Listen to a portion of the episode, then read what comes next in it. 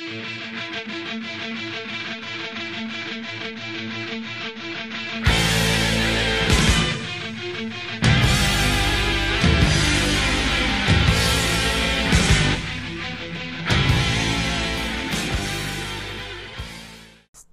и добри дојдовте на нашиот подкаст Психологија и странски јазици.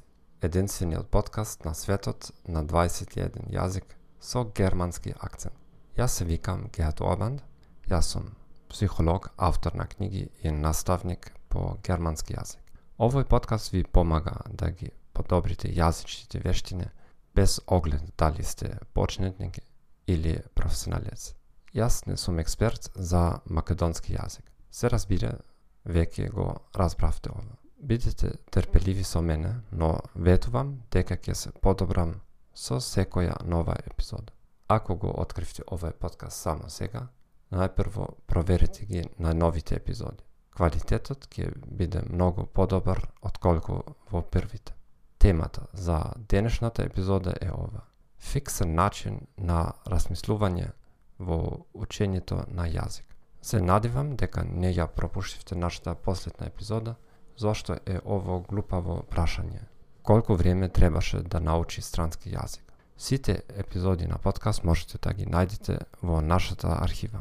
Ако сакате да го слушате овој подкаст на друг јазик, посетете ја нашата веб страница thegomethod.org.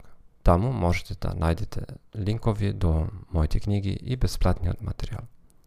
Дали сакате да го подобрите вашиот германски јазик, само испратете ми е-пошта за да имате профит од бесплатна консултација. Сигурен сум дека можам да помогнам. Дозволете ни да започнеме. Фиксен начин на размислување во учените на јазик. Според професорот Керол Двек од Универзитетот Стенфорд, луѓето со фиксен начин на размислување веруваат дека се родени со одредено ниво на интелигенција и дека не можат многу да направат со тоа да го променат. Да имате фиксен начин на размислување е лошо за доживотно учење, затоа што ќе ги избегнете сите предизвикувачки ситуации. Ке се плашите да направите грешки и да изгледате глупаво.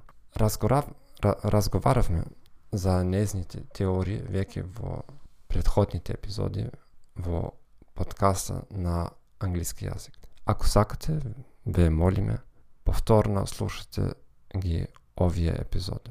Денес ќе започнеме за да зборуваме за наставниците со фиксен начин на размислување. Кои се показателите дека вашиот учител може да има фиксен начин на размислување.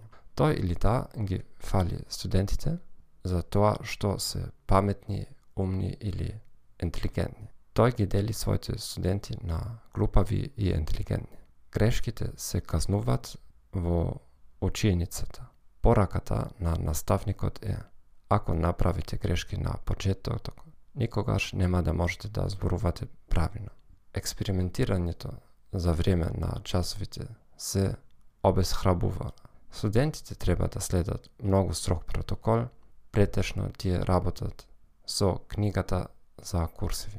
Во следната епизода ќе ја продолжиме темата и ќе зборуваме за студенти со фиксен начин на размислување и за тоа што треба или би можеле да направиме за тоа.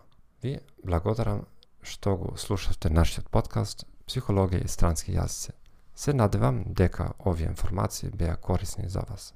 Ве молиме, предплатете се на нашиот канал на Apple Podcast, Spotify, Stitcher или омилената апликација. Ве молиме, препорачите не на вашите пријатели и колеги. Како што ветив порано, ќе зборувам подобро во следните епизоди. И дозволите ми да знам што мислите за денешната епизода. Само пишете ми е-пошта Кажете ми кој прашање имате, за да можем да одговарам на нив во една од предстојните епизоди. Вам посакувам убав ден и Spawn.